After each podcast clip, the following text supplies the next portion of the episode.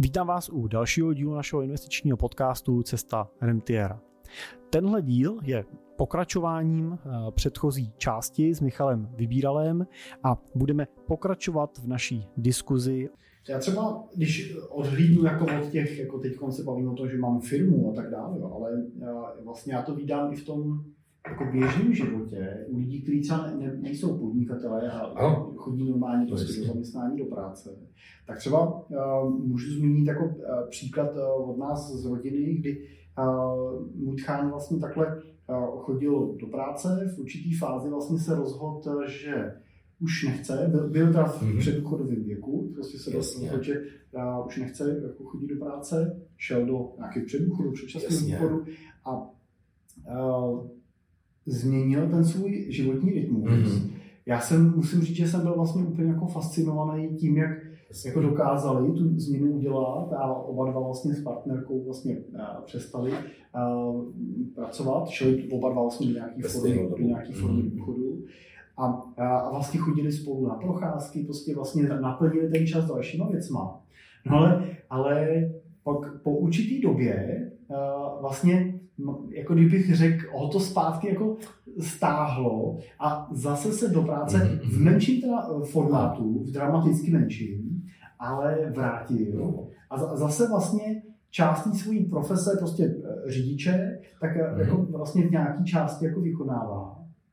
A já z vnějšího pohledu jsem si říkal, ale to je vlastně jako škoda, že jo? protože on jako dal vlastně tý změně šanci, jako dal dostatečnou šanci tomu, aby skutečně ta změna proběhla, aby se teda třeba nenudil doma, nebo jo, aby naplnil ten život něčím jiným. Není to potom třeba zase jako útěk zpátky, protože ono je jednodušší, že jo, říct tak dobrý, tak já si a, příklad prostě tři dny v týdnu prostě naplním teda zase tohle, hmm, tohle hmm. jako prací. No, jak, jak třeba na tohle jako se díváš? To je krásný příklad v tom, že si dovedu představit obě odpovědi, že můžou být pravdivé. Potřeba bych proto mluvit s tím člověkem. Vlastně zjistit, jak to je. Jestli je to únik, útěk a zalepování nějaký díry a nenašel jsem jinak ty identity a nedal jsem tomu tu šanci to dokončit, ten proces.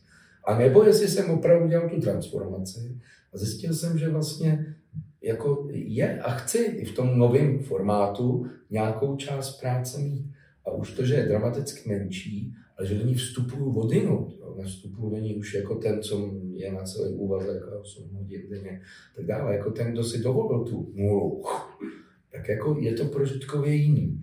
Takže opravdu se dovedu představit obě odpovědi, jak jako unikovku. Když to nevydržel jsem to, nedal jsem to rychle zpátky nějak. A nebo jako to, že člověk zjistil, že mu k uspokojenosti a k tomu celku nějaká část identity řidiče chybí a už možná není na prvních třech místech a už je možná pětka, šestka, ale vlastně, že by ji tam rád měl. Takže to je o rozhovoru nebo o zjištění vnitřním rozhovoru a kdyby tě to zajímalo, tak by se to fakt na to musel zeptat, jak on to vidí, jak to viděl, když ta, co ho vedlo k tomu rozhodnutí tuhle změnu udělat a znovu začít řídit. Možná to řízení auta, řízení života jo, že to může dávat pocit nějaký taky moci. To jsme tady ještě dneska jako nezmínili jako téma, protože když se něčeho vzdávám, ztrácím moc. A k tomu možná teda já mám otázku Takže právě. jenom to tečka k tomu, na co se ptal, je, že je to fakt krásný příklad, který si dovedu představit, že může být velmi transformační a dodělaný. A taky příklad toho, že ucuknul a vlastně se vrátil a je to pak takzvaný regresem, čili návrat do fáze zpátky. Takže to je, jsou ty dvě možnosti. Já, a já ti vrátím tu otázku teda s tou mocí, jak jsi jako naznačil, protože uh, nejenom, že teda vnímám, ale často to ty lidi řeknou, že vlastně mají obavu z té ztráty té moci, nebo oni neřeknou většinu moci, ale z toho postavení. Protože samozřejmě mm-hmm. najednou Ztráta z postavení? V určitým okamžiku, Zatím když se podívá na tu kategorii těch našich klientů, seš prostě ředitel, majitel, seš v nějaký funkci, Máš k tomu nějaký benefity, máš asistentku. Máš odpovědnost. Máš odpovědnost, ale teď, když pojám ty benefity, prostě, že tak mám. Ale máš i tu moc, jsem chtěl říct, tu odpovědnost, která ti dává tu moc. Ano. Mám, jsem, jako zároveň jsem někým, komu lidi, koho lidi potřebují, že jo? Oni mi mm. telefonují, volají, Jo, když je nějaká mm-hmm. akce, tak mě prostě zvou, že jsem jako žádaný, když někam přijdu prostě, že jo, tak tak prostě jsem jako někdo, jo, minimální někdo teda často z identifikace té svojí funkce. Ano, ano. Uh, a tady bych řekl, že prostě funguje to, že taky to, to, to postavení jo, rovná se nějaký moje ego, že jo, nějaká, nějaká, nějak mě to jako vnitřně jako hřeje. Síť, ano. A tady je teda ta otázka, jak vlastně pracovat s tímhle a možná otázka, je vlastně ego, když se jako bavíme o egu, jo, je, jako co, co to vlastně je a je to jako dobře a jak můžu vlastně s tímhle tím pracovat, protože to tím okamžikem toho odchodu vlastně končí. A je to takový jako řez ze dne na den často. Já najednou mm. jako odevzdám ty klíče, vrátím to auto, jo, najednou prostě možná jsem jezdil sedmičkový BMW, pokud jsem byl zaměstnanec, pokud jsem byl majitel, tak často ne teda. jo, a, když si to auto mám koupit jako fakt z těch svých peněz, co jsem jako udržel, tak často jako přemýšlím třeba v jiný jako rovině, že třeba si nekoupím třeba tak drahý. Jo, teď najednou nemám tu vizitku, nemám tu funkci. Ale je to taky spojený s tou funkcí, že? Lidi mi nevolají, že najednou nejsem jako potřeba, najednou mi nedrnčí ten telefon hmm. pořád, jo, ne, neplní mi nikdo hmm. kalendář s těma aktivitama. Jak, jak s tímhle tím se jako popasovat vlastně? Jo, díky, že jsi to takhle posunul tu moc a ukázal vlastně, jak to reálně může ta ztráta, ztráta vypadat. To je to, o čem jsem v tom začátku mluvil, že to vůbec není sranda. Hmm. Jo, protože tohle je obrovský identitní.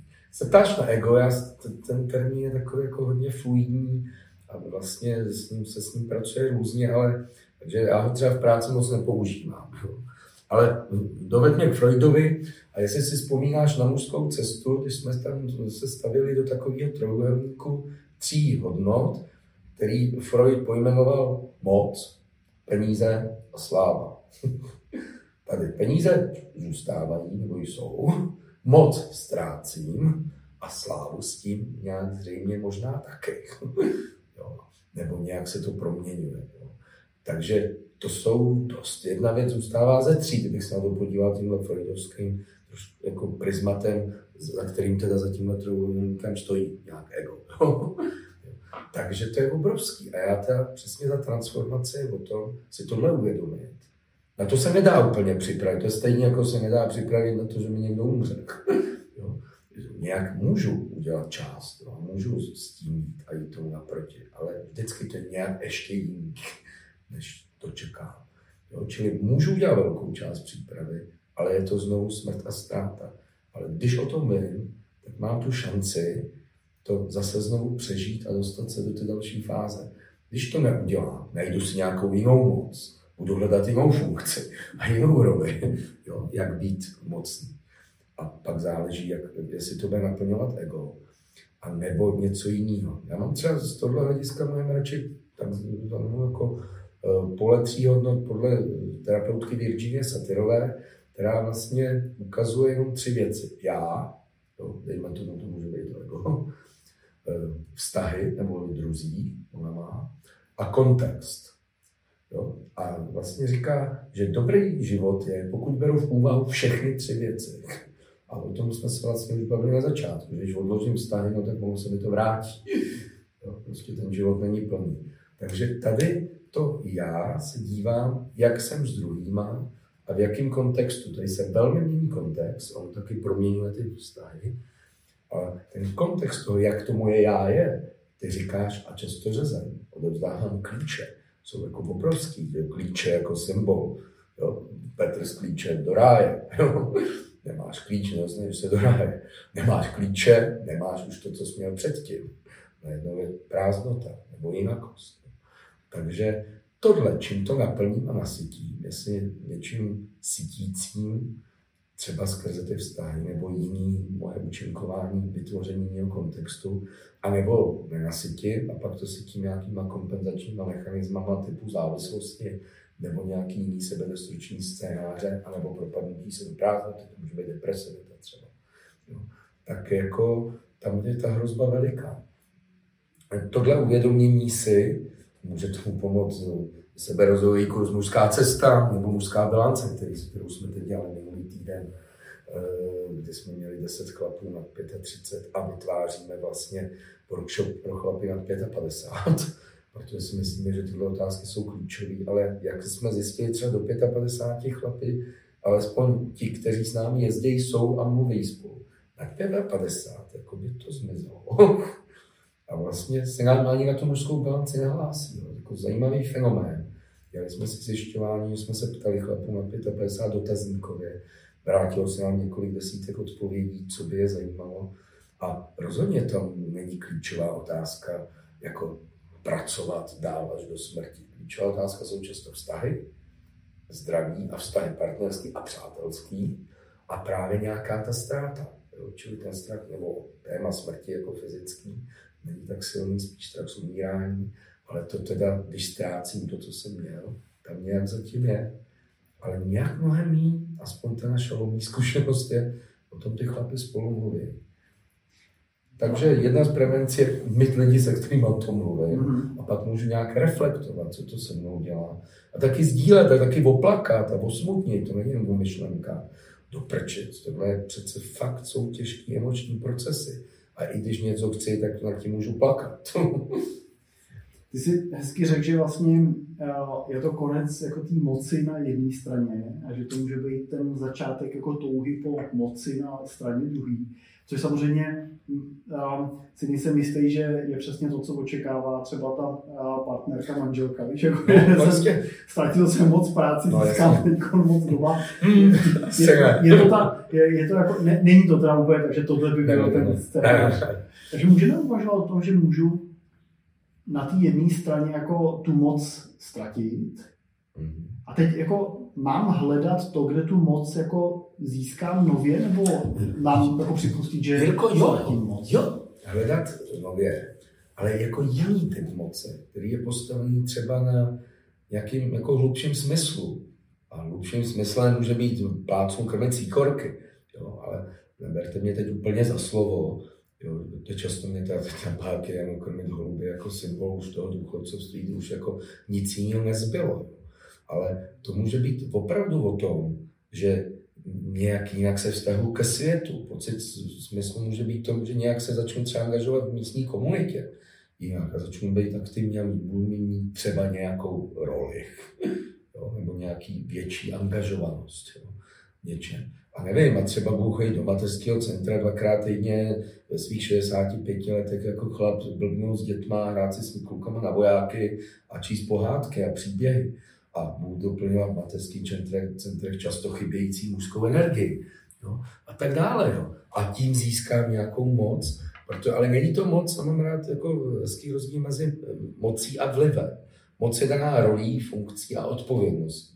Vliv můžu mít tím, že nemám žádnou jako roli v mateřském centru, když jsem tam chodím číst, nebo dobře dobrovolník. Jo. Ale je daná, že můžu mít vliv a můžu mít pět, deset dětí, který to tam se mnou baví, jo, nebo dvacet, nebo cokoliv. Jo. A najednou získávám, a jsme v tom kontextu, v těch vztazích, nějakou jako jinou hodnotu. Myslím si, že to vlastně, na co se ptáš, tou mocí, je hodnota, sebehodnota.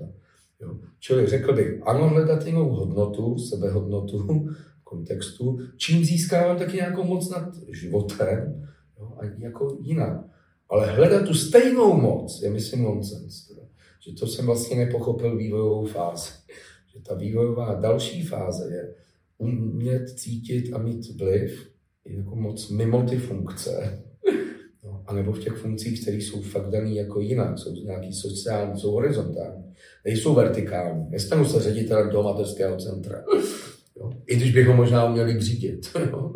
nebo ekonomičtě, nebo nějak. Stanu se nějakou jinak vlivovou osobou, což něco přináší mně a něco to přináší třeba dalším lidem. Takže vliv místo moci může být dobrý klíč. Uh-huh, Dobře. Uh, když teda, ty jsi říkal, že je dobrý mít lidi, se kterými můžu o tom mluvit, se kterými můžu sdílet, ale a když hledám tu odpověď vlastně na to, mám nějaký pocit prostě, že mám nějaký pocit, hmm. který mě vede k tomu, že asi třeba je ten čas, že se prostě přiblížil, že má, hmm. možná mám nějaký signály, který z znímám, mám nějaký pocit vnitřní, tak jenom čemu mám jako naslouchat, když teda jsme si řekli, že ne úplně tomu egu, jo, který by říkal, No, neodcházej, neodcházej, No, makej dál. Jasný. No, těm pocitům, že jako něco, jo, to může být v zádech, to může být, můžou trochu jako tuhnout, sekat, jo. To, že najednou, mě to úplně jako nejde hladce, jo. Že se netěším, že to vnímám víc jako zátěž, jo, že se tohle proměňuje. Samozřejmě odpovědnost je taky nějak zátěž, ale když mě to jako navede dopředu, jo, tak jako jo, nějak se proměňuje ten životní pohyb, jo. To jsou jemnější věci. A to není ego. To ego je to, co hezky jako zjednodušil opravdu ty klasické volání těch signálů. Měl bys, máš, musíš, vždyť jo, vždyť jsi to jako, vždyť to chtěl, jo, a takhle, a co by se stalo, kdyby, a přece ještě není ten čas, jo, a tak dále. To jsou volání ega, potom jako udržet, jo. jo to udržet a dál vlastně jet ve stejném modu, jo. Ale když se tam tyhle signály začnou objevovat, tak jediný je nějak si všimnout, že mám ještě jiný signály, než tyhle ty takové jako zvnitřněný introjekty se tomu říká, čili zvnitřněný konstrukty, který jsem si klidně mohl vnitřnit i sám, že tohle je dobrý, takhle to mám, takhle to chci, ale ono se to nějak už vyprázdnilo. Jo, iluze je jo, vlastně mít ten dojem, že to mám pořád dělat stejně, protože to fungovalo. No, ale něco uvnitř se mění. Ono třeba navenek to funguje. Ty jsi říkal, no někdy už jsou i ty vnější signály, že něco nefunguje. Jo. Tak tohle si všímat. Může to znít dost obecně, jo, ale, nebo těžko uchopitelný. Ale tohle je cesta přes zjemnění a vlastně nejenom slyšení toho, těch měl bych a mám a musím a tohle přece ještě a ještě jednu halu. Jo. Takže pocity.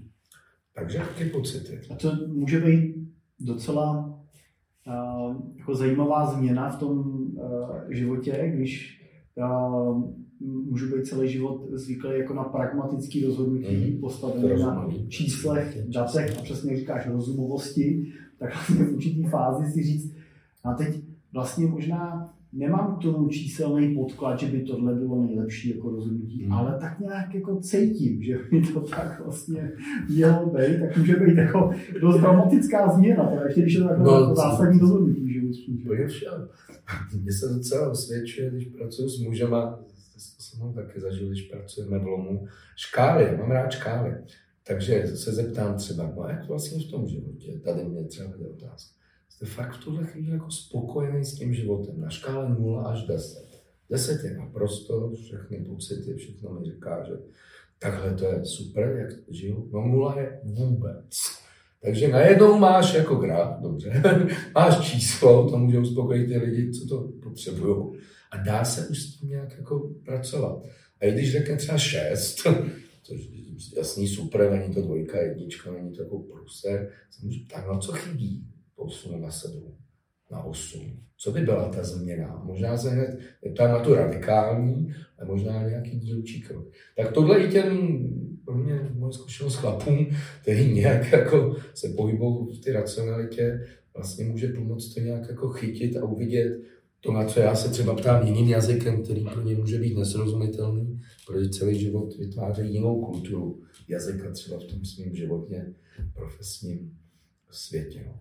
To třeba pro mě, jak, jak ty jako říkáš, i s těma pocitama a s tím vlastně si jako zažít, těma zážitkama vlastně, tak eh, by- byla pro mě, jako, jako pro mě důležitá vzpomínka třeba právě z mořské Mhm. cesty, a kdy a, jsem, jsem tam měl vlastně možnost vyzkoušet takový experiment, v rámci kterého jsem hledal odpověď na nějakou otázku, kdy prostě jsem byl v nějaké situaci, kdy jsem Mhm. mm-hmm. cítil, já cítil jako nějaký tlak na sebe Tlak. a zažil jsem tam vlastně ten experiment v tom, že si tam uh, tenkrát uh, stoupnul uh, kolega vlastně jako nade mě na židli a držel mě vlastně Mhm. pevně jako zmáčknul mě vlastně k té zemi.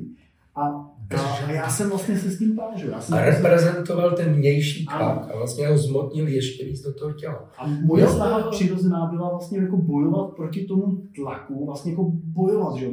Tlak tak proti tlaku. Vlastně. A, a, a nešlo to prostě, bylo to udělané tak, že prostě jsem se nebyl schopný z toho... Byl to silný No. A, jsem říkal, a to, to jsem si jako, jako pocitově zažil, že to je možná ta situace, kterou prožívám. A on pak říkal, A on jako, jako řekl poznámku, říkal, no a nebylo by tady i varianta jako vystoupit z toho tlaku, prostě udělat ten utíct mu vlastně. A já jsem říkal, tak jsem to zkusil, což se jako podařilo, prostě jako ne, nebojovat v tom experimentu, jasně. v tom experimentu z jako tlaku vody, přesně. Ano.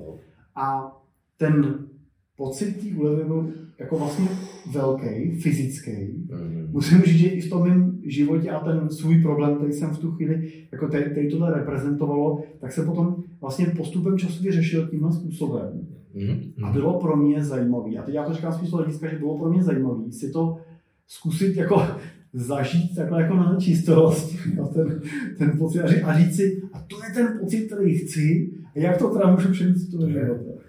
Děkuji, že já si vzpomínám, vůbec nevím, o co šlo, ani jsem nevěděl, jak to dopadlo mám před sebou ten obraz, jak tam sedíš, tě drží. To se mi, to mi vyvstanulo, když to začal vyprávět. Jo. A myslím, že teď, Jirko, mluvíš o velmi hlubokých věcech, kdy jsme zase u toho, proč my dva tady sedíme, co vaše firma a naše organizace Liga otevřených mužů. Tohle vlastně je aktivita, kde můžeme říct, muži zažívali solidaritu a podporu v rámci experimentu klidně ti zreprezentuju boj.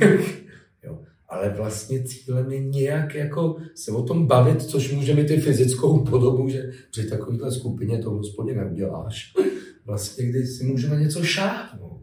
Přes to tělo. My to tělo máme často odpojený, anebo ho zapojujeme vyloženě instrumentálně. Třeba běháme, nebo chodíme do posilovny, nebo něco. Jo? Nějak se o něj staráme. A to je hodně instrumentální. Třeba ta chůze, jak říkal, že ten tchán začal chodit, je už mnohem víc blížší něčemu jako spolupráce tělo-duše. Jo. Posilovna může být naprosto odpojená. A často je. Jo. Tím, co ta chůze nějak víc vede ke komunikaci těchto dvou částí, často odpojených, tělo, duše jedno jsou. Takže LOM, který nějak se pokouší o mužskou solidaritu ve svých akcích, mužských cestách, ale třeba cestách pro otce a syny, otce, dcery, co znáš taky, jak komunikovat eh, generačně a nějak spolu zažívat věci jinak a posouvat se vztahově. Čili solidaritu, ochotu zkoušet a jít právě do těch změn, šáhat se na to a víc vlastně zapojovat tělo. A nějak je tam ta hodnota vlastně jako odpovědnosti k sobě, že to není, a k druhým teda, že to není jenom o tom sám za sebe, ale že nějak dávám tu energii i těm druhým.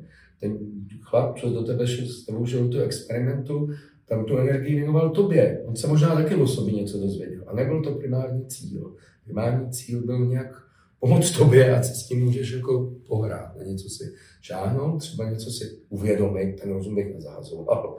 Ten je důležitý, ta racionalita, ale tady byla propojený s tělem i s emocemi to bych třeba řekl, že něco, co opravdu je taky linkou všech těch našich aktivit, patron, zvládání vzteku, rozchodem rodina nekončí, podpora aktivního otcovství a tak dále.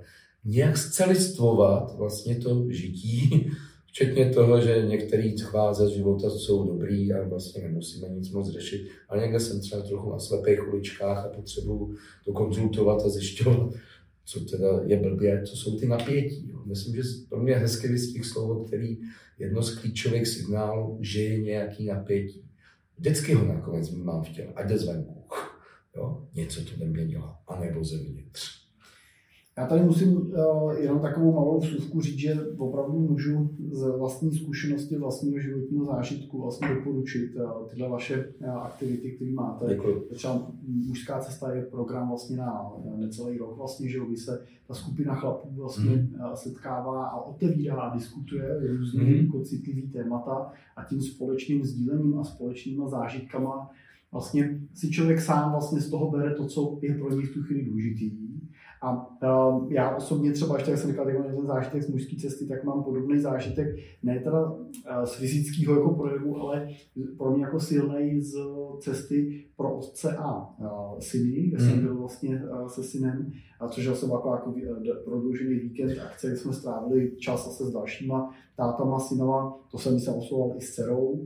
A na té akce vlastně uh, pro uh, syny, tak uh, my jsme tam seděli a v jednom okamžiku vlastně ty děti, eh, ty kluci vlastně sdíleli nějaké svoje pocity a, mm. vlastně vzájemně jsme si mhm. říkali, co si na sobě vlastně vážíme. A pro mě tenkrát vlastně řekl vlastně můj syn větu, která mě obrovsky teda zasáhla jako do Mhm. života, ale ne tím jako negativním způsobem, mi řekl něco, co by se měl jako zmínit. A on mi řekl, on teďka tam řekl, že si mě váží za to, že jsem s nima doma, a, když přijdou třeba ze školy. Že prostě jsem, jsem doma, že prostě ne, doslova řekl, že, že prostě nepřijde táta v 7, v 8, ale prostě je, bere nás z té školy, jede s náma domů. A my vlastně s ním jako trávíme ten čas a pomůžeme s úkolama a tak. A já jsem na říkal, jsem, tohle je pro mě extrémně jako důležitý a snažím se to jako u těch dětí dělat tohle. Naměl jsi to na druhé ani No, koleji v tu vlastně- chvíli. Víš, ale mě nenapadlo, že on, který Že ne, on nezná ten rozdíl, jako, já jsem jako se snažil tohle dělat vždycky. Jasně. Takže to vlastně to dítě docení do této hloubky. Už jako dítě. Aniž by to bylo No, tak, že bohu. bych řekl, že já jsem roky nebyl doma a pak najednou jsem doma byl a on to teď ocení. Já jsem jako se snažil doma být jako vždycky s nima. V tomhle čase, když jdu z té školy to dítě to vlastně vidí, ocení a v tom jeho jako eh, teenagerském pubertálním věku prostě to dokáže vlastně i interpretovat. Mm. A pro mě to bylo jako velmi jako důležitý pro posílení nějaké vnitřní jako integrity a potvrzení si nějaké cesty. Jo, Takže můžu doporučit jak, jak mužskou cestu, tak cestu pro No, otce, to je syny, pro, pro fakt dojemný. Tohle je že jo, akce, kterou jsme kdysi vymysleli, protože jsme měli syny a něco jsme pro ně potřebovali. Jsem to absolvoval se synem svým třikrát, kdy vlastně ty naše kluci z obou lektorů už byli takový jako asistentský roli, jo? čili něco trochu dělali lidma, něco s náma. A vlastně jsem tam nějaký synu, rozhovory se synem, kdy říkal, jo, myslím, že to tati neděláš blbě. vlastně velmi jako dali tu zpětnou vazbu a podpořili nějak v té otcovské identitě, přestože samozřejmě taky myslím, že nějaké věci jsem dělal blbě, jo, ale že nějak u něj převážil ten pocit a převažuje, že to je jako docela dobrý otcovství. A tohle je důležitý a já přesně lezdy nás ty dětské překvapí, to mám, tuhle zkušenost z mnoha akcí za těch desítky let, co jsou schopní jako vidět a pojmenovat. Ale my to nevíme, protože se neptáme, jo? Nebo jako neví, ne, nejsou ty situace. Ta situace byla vytvořena a byla ta příležitost, takže se z toho mohu dozvědět. Přičemž možná, kdyby se zeptal jindy jinak, ale jak to většinou neděláme, tak by ti to možná řekl mimo kontext tohohle workshopu. Ale tohle, když ti lidi spolu začnou mluvit, začnou spolu mluvit otcové se synama, i navzájem, najednou je tam nějaký strejda, se kterým jdu 20 minut po cestě a mám nějakou otázku a povídáme si o snech a on říká, jaký měl v mém věku a já říkám, jaký mám sny teď a on říká, co se splnilo, nesplnilo, jak se mu to proměnilo. Tak to je něco, co fakt jako neděláme. Ale co mnoho společenství, kultur nějak mělo jako zařazenější. Ale ta jistá atomizace rodin a ten způsob, jak žijeme, vlastně, ty jsi o tom mluvil nějak výkonovější, jako umenčuje prostory, kde by spolu mohli jako opravdu skuteční strejcové nebo kámoši otců mluvit s těma klukama, něco u pinčesu, to prostě probrat něco jiného. Takže dík za tenhle příběh a když to propojím s tím, o čem jsme mluvili, tohle přesně může vytvářet nějakou vnitřní hodnotu, identitu jinou, než jen tu výkonovou. Ty děcka nám taky můžou říct, že si váží toho, co jsme třeba v práci dosáhli. To jako je dobrý a je dobrý, aby to taky uviděli. Hmm. No ale rozhodně to není celý a rozhodně to není to, co je vztahově sítí. To, co jsi dělal ty, že jsi ty děcka vztahově sytil vlastně normálně. No jo, ale v kolika rodinách to normálně běží. Takhle. My se vlastně z tohoto hlediska snažíme vlastně propojovat ty naše klienty, dávat jim možnost vlastně eh, ty svoje hlediska, ty svoje obavy To je sdílet vlastně, že v nějaké Mezi sebou. Mezi sebou. No. Právě třeba v těch rentierských klubech. nebo když děláme konferenci prostě pro klienty, máme tam panelovou Mhm. diskuzi, aby prostě oni mohli si sdílet, zeptat se, říci. Čili rušíš tu izolovanost Ano. těch lidí v té situaci, když jo, třeba v rámci rodiny, ale i v rámci rodiny se ty jednotlivci v tom můžou cítit izolovaně. Čili jedna věc je nějak snižovat izolovanost, zvyšovat komunikaci v té rodině, ale i pak těch lidí v té situaci, že nejsou jako jediní v celé čele, kdo řeší něčem podobné otázky. A tohle mi na tom přijde vlastně velmi cený i velmi podobný. My nějak volmu rušíme izolovanost mužů, jednotlivců, vy rušíte izolovanost těch rodin, anebo těch, říkal většinou mužů, který řeší nějakou životní fázi a vlastně si většinou asi v okolí nemají úplně s kým pokecat. Nebo mají možná jednoho člověka. Jo. Ale když uděláte setkání, kde je 10, 15, 20 lidí, tak najednou to sdílení a nějaká solidarita, že tam jako nemusím bojovat, což soupeření je mechanismus, ale dobrý ve 20-30, už ne v této fázi, tam je mnohem lepší jako nějaká solidarita a nějaká jako sdílecí část podpůrná. Tak v tomto vnímám vlastně z jiných stran úplně stejné principy, které můžou víc ty transformace k těm změnám, na který se ptal na začátku. Pak může být také lehčí ty změny udělat, protože nějak v tom světě na to nejsem sám. Nějak vím, že to tady různě běží a nějak něco slyším a třeba někdo už je o kus dál a nějak mě inspiruje. A naopak někdo na tom stejně a bojí se třeba ještě víc než já si může říct, jasný, báce je normální, no, tak se z toho nezblázní. A ty jsi, Michale, mluvil uh, o tom, se byl tam příklad, co jsi říkal, že v těch 50 letech úplně rekord jako na 50 metrů nezaběhnu. A uh, mě to možná jako přivádí uh, k otázce, uh, jak vlastně teda najít ten svůj takový jako já nevím, si říkat jako nový smysl života, nebo možná oprášit, nebo rozvinout ten smysl toho života právě po tom odchodu z té práce, mm. jak vlastně jako naplnit ten svůj život, tak aby mi dával smysl život. Většinou ta obava, kterou já slyším, je, že um, nechci prostě odejít z práce a stát se, já budu citovat, jo, jako no, za, za, zaprděným důchodcem prostě v těch papučích, jo, co kouká, co kouká z baráku za oknem a, a kouká, kouká na, si ty všechny seriály. A to, já to, jako, to vůbec nechci tohle jako schodit, nebo říct, že to je hmm. nějak jako špatně, jenom jsem jako citoval tu, Jasně, tu obavu, kterou samozřejmě u těch lidí slýchám. A jak vlastně si v té hlavě přepnout to, že dobře, tak já možná v 50 letech nezaběhnu světový rekord prostě na 50 metrů, ale možná můžu v 50 letech zaběhnout ten uh, světový rekord v 50 metrech ve věku 50 let, nebo, jo, nebo 60 Chápu. let, jo, že můžu, můžu vlastně se porovnávat nějaký svojí kategorii, že jo, která prostě je, je relevantní pro to, pro to porovnání. Tak jenom jak, jak vlastně teda hledat ten, ten, nebo rozvinout ten smysl života, jak, jak pracovat s tímhle? To je jako dobrý a zase bych řekl, jakým způsobem běhám a o co mi jde. Jestli jsem závislý na vítězství a prvním místě, tak bych řekl, no jasný, můžeš, je to nějak obdivuhodný, fascinující, no ale je to vývojově jako, není to trčení v ty samé fázi jako předtím, a nebo běhám, protože mi to běhání samotný dělá radost. Běhám, protože mě těší se potkávat s těma chlapíkama, se kterými dobře se utkám pak na ty dráze, ale vlastně mi na tom taky těší to, že jsem nějakým společenství. A pokud náhodou vyhraju, je to bonus. jo? Tak jako je to dobrý, nebo se zlepšuju a je to jako dobrý. Jo? Takže tohle bych řekl, jako o čem všem to je. Pokud mi fakt jde jenom o to vítězství, tak opravdu jsem jenom jako zůstal v tom samém a hledám, kde to takzvaně jde. Jo? Jo, začnu hrát golf a dobře, já můžu se dostat nějak docela nahoru. Jo. Ale nevím, já nějak jako tomhle teda vývoje fakt nevěřím, že je jako zdravý a dobrý jako od 20 do 80 pořád bojovat a o moc a první místo. A to jsem teda člověk, který chodí na hokej a fotbal a jde vítězství a mám světy, ve kterých teda jde o to, aby ty mužstva vyhrávaly. A já se cítím součástí identity a jsem naštvaný, když prohrávají. Jo. Čili to není o tom, že to musí zmizet. To je nějaká část mnoha mužů potřeba jako být součástí nějaké bojové jednotky, což může být klidně fotbalový mužstvo, který mu fandí, a nějak to taky zažívat. Ten problém je, když to pak jako chci ve všem a znovu a znovu se to pokouším realizovat, abych byl v něčem dál první. Takže pak je jako jedno teda, jestli je to v kategorii 50-60. Myslím, že pro mě na toho, co dělám, jako je jiná.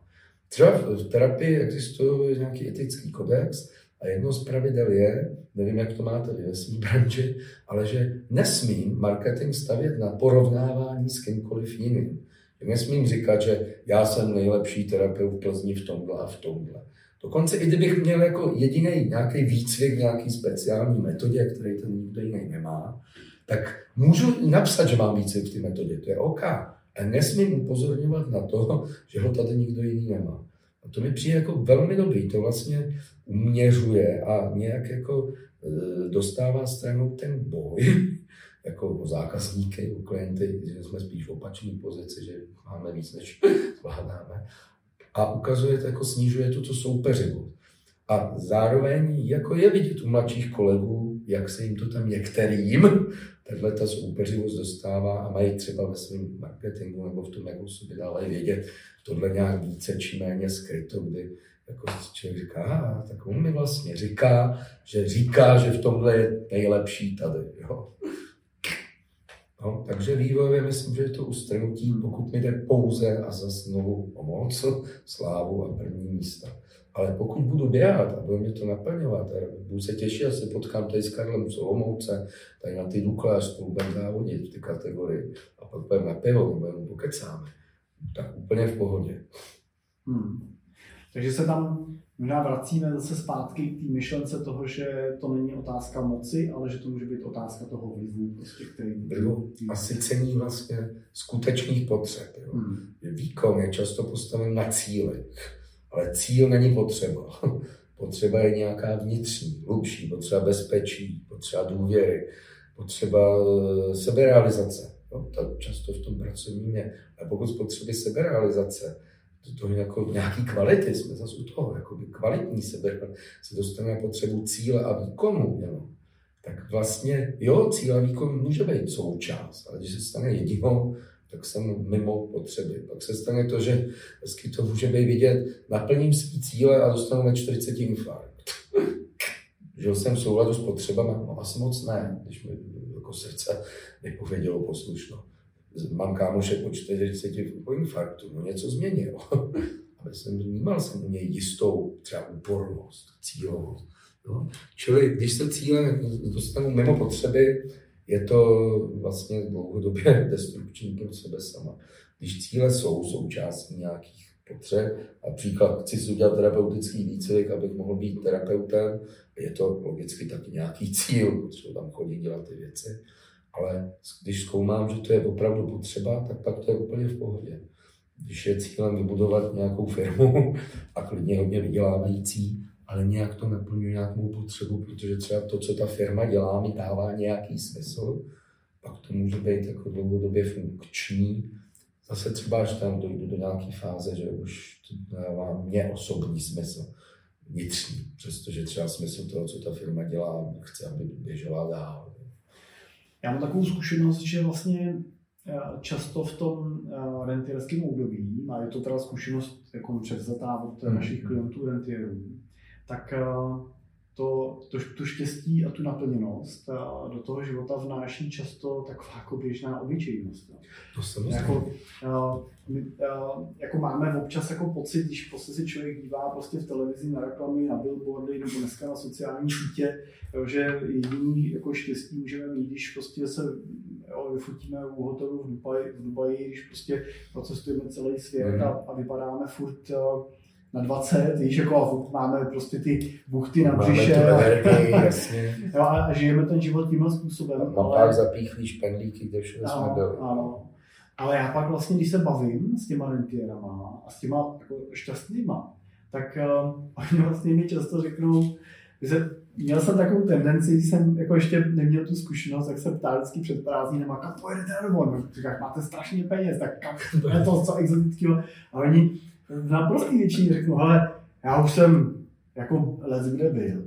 Hmm. A já vlastně jsem nejvíc jako šťastný, když vezmu, uh, vezmu našeho psa a jdu se projít u nás za barák do lesa, na vinice mm. nad barákem, no, nebo, uh, a nebo jedu prostě na chatičku, doslova jako chatičku, mm. ne, ne žádný rádič, prostě, jo, jedu, jedu na chatičku, kterou máme prostě na Sázavě a já jsem tam nedávno měl možnost eh, projíždět mm-hmm. Sázavy do, myslím, že do nového knína, tak na kole po říce, teď si nespomínám na ten název ale jsou tam přesně ty osady. Yes. A on říkal, on říkal, ne, tam prostě přijedu a tam je jedno, jako kolik kdo co máme. Tam prostě yes. naopak sedím prostě s těma obyčejnýma chlapama, hmm. nechci jako zbytečně nějak jako okázale vypadat jednou za rok koupím sud piva, to je maximum, co můžu, protože jinak oni budou mít pocit, že si je kupuju. A, a, a že se vyničuju. Tak, a tam já jsem vlastně šťastný. Hmm. A, a vlastně vlastně většině pak člověk slyší, že a peníze určitě ke štěstí jako pomůžou. A život s penězma je samozřejmě jednodušší, ale ty peníze v tom konečném důsledku nejsou to, co mě udělá šťastným. Můžou mi pomoct některé věci naplnit, některé věci nemusím dělat, nemusím řešit, nebo můžu pomoct rodině a tak dále. Ale to štěstí je vlastně potřeba hledat jinde. Jo, to musím, že to řekl docela celistvě. S tou jako krásnou zkušeností, pes, les, osada, chlapy, oheň. Sedíme okolo něčeho, může to být oheň, piva nebo obojí dohromady. A nebo to může být klidně i bez piva, nějak jako jsme nějak spolu a jsme tam jako lidi. Jo? To je vlastně to, že když jsme mluvili o těch identitách, jo, tak klidně může být vepředu identita, jsem Michal, který e, jezdí na Sázavu a tam s chlapama tráví víkendy v ohni, nebo se svou ženou a s dalšíma lidmi. Jo, že to může být přesně ta identita, kdy vlastně se tam nejvíc cítím, možná jako sám sebou, protože nejmín jsou důležitý ty role, dokonce můžou tomu překážet, jo? protože by se pak se mnou začali bavit jako najednou s tou rolí. Jo? Čili hledám ty prostory, kde můžu sundat ty eh, atributy těch rolí, můžu taky sundat tu odpovědnost, nebo levní, a můžu mít odpovědnost maximálně za to, jestli tam přijdu nebo nepřijdu, jestli jsem nerudný nebo jsem v pohodě, a nebo jestli dám do placu sám sebe. Tak to vlastně něco navíc. Jo? Čili taky proto to nedělám každý týden, protože jinak bych to tak jako, jako kupoval a nedostal to, co potřebuju, tu pozornost přes sebe. Pak by mě měli jako rádi jako toho, kdo po každý koupí sůd. Jo? Už jsem zase nějaký roli. Jo? Jo? Když to nedělám, tak mám tu šanci v tom společenství zažívat tu solidaritu, blízkost, důvěrnost, eh, lidskou. Jo? Teď si to představu klidně, že tam sedí muži, ženy dohromady, nebo jsou na té osadě to není mužská záležitost. Jo. To mě teď tak jako k tomu patronovi, který zmiňoval na začátku, ve kterém tu sedím, tak vlastně je to princip, který se pokoušíme s dětskám děcáků dát v tom, že vlastně ty děti jdou z institucí, kde ztrácejí veškerý vztahy po tom odchodu. Jo. Tam oni si dokonce, že ty vychovatelé ty instituce mají v vozkách zakázáno, s nima se dá stýkat. V lepším případě to samozřejmě let, dělají. Ale je to o tom, že ty vztahy stejně mizejí, že když zavolám vychovatele, tak mu zavolám za půl roku, ne už za pět let. A ocitám se v totální izolaci v tom světě. A ten program není právě postavený na penězích, ale na tom, že ty lidi věnují jednomu vybranému člověku z děcáku, ženy, ženám, chlapy, klukům, svůj čas. A vytvářejí vztah už během pobytu z děcáku, aby mohl vlastně ten vztah přežít, ten odchod do světa a vytvořili takovouhle mikrojednotku dvou lidí s člověkem, který se vztahu bojí, protože byl opuštěný. A takovou, která ho podpoří v tom, aby mohl zažít to, že v úvodkách sedíme spolu u vodně, nebo sedíme po lese, chodíme po lese, nebo spolu třeba mu pomáháme, aby udělal řidičák. No? A zkouší si to se mnou v autě někde na polích. Jo? A vlastně tam dostal tohle, to, co těm dětskám bytostně chybí mnoho chlapů vlastně, i proto jsem si na to vzpomněl, vlastně v tom hledá nějakou část své identity a smyslu, protože je tam vztah, má to zároveň nějaký cíl, směr, jde to nějak jako uchopovat, se na supervizí bavit o tom, jak to jde, nejde, co mi v tom je nebo není. A není to postavený na prachách. Často v tom jsou chlapy, který chce muže, který už je aspoň 30 a jsou nějak stabilizovaní a nejsou nějakých krizí vztahových. Krizí může být to, že se mi rodí malí děti, jo, jenom, že to chce hodně mojí pozornosti. Ale jsou nějak jako v tom můžou být funkční. Čili třeba můžou být jako zajet za tím klukem, který je někde třeba 50 kiláků z města. Můžou tomu ten čas nějakou část peněz věnovat. A ne peněz, aby se ho kupovali, proto mi to tam velmi zaznělo. Ale aby s ním trávili to, co pak tráví ten chlapík mezi svýma, tady samozřejmě mám roli nějakého dobrovolníka, patrona, ale můžu tam mít něco, co tam bytostně chybí. Někdy to zafunguje, někdy ne. Ale můžu do toho věnovat ten čas, energii, když se stanu patronem nebo patronkou.